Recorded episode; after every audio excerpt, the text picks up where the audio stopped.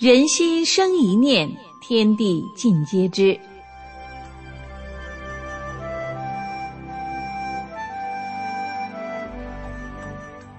听众朋友您好，欢迎收听明慧广播《善恶一念间》节目。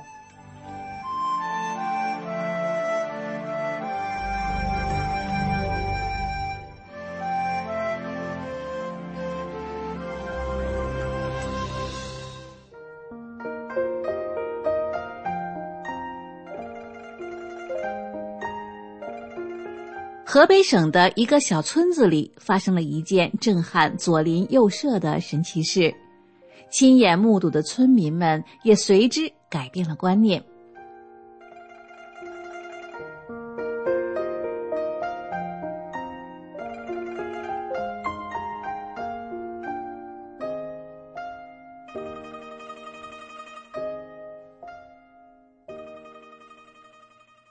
前两年，我们村的陈老太太被病痛折磨得一刻不能在家待，经常看到她在街上走来走去。只要听到大声的音乐，她就会双手抱头蹲在地上，大声喊叫。严重时不吃不喝，只要看到有人吃饭，她就嚎啕大哭。家人带她到各大医院，都查不出病来。医生说。这是癔症，医院治不了。家人为了给他看病，到处寻医问药，用尽了各种方法，烧香、烧纸、请神汉、巫医等等，都无济于事。他整个人瘦的皮包着骨头，几年了，家人眼睁睁的看着他一天不如一天，无奈的给他准备好了后事。一天晚上，本村的一位法轮功学员来到陈老太太家，看她躺在炕上，神志清醒，就对她说：“你念念九字真言吧。”他问：“什么是九字真言？”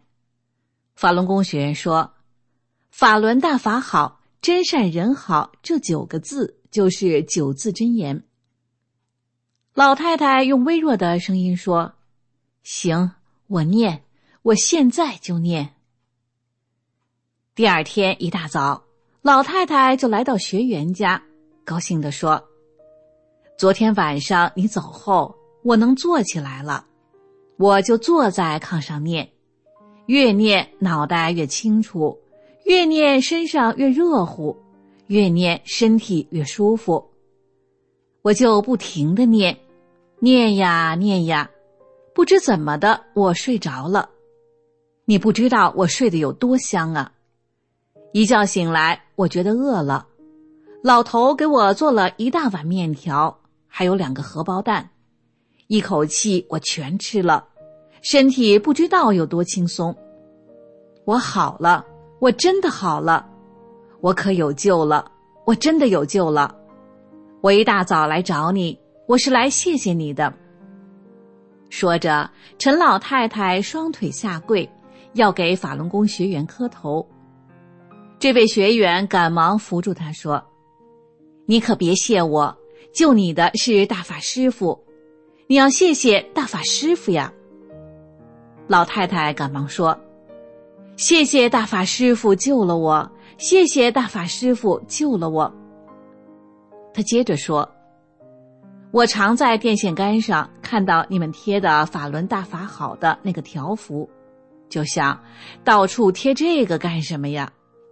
我现在可知道了，你们为什么要到处贴“法轮大法好”了？你们是在救人呀！学员说：“谁知道法轮大法好，谁就得福报，这是千真万确的。”陈老太太感慨地说。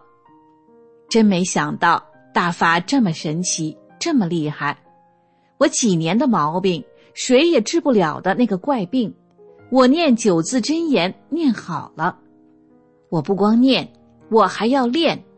这么好的功法，不练那就太傻了。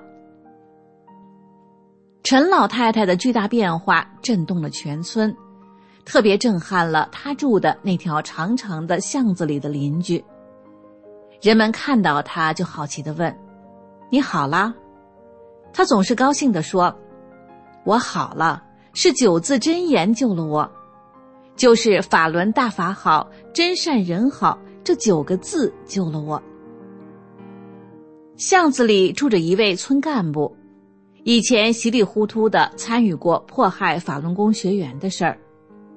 近两年他身体出现了问题，但是他从来不说，怕有人说他是遭了报应。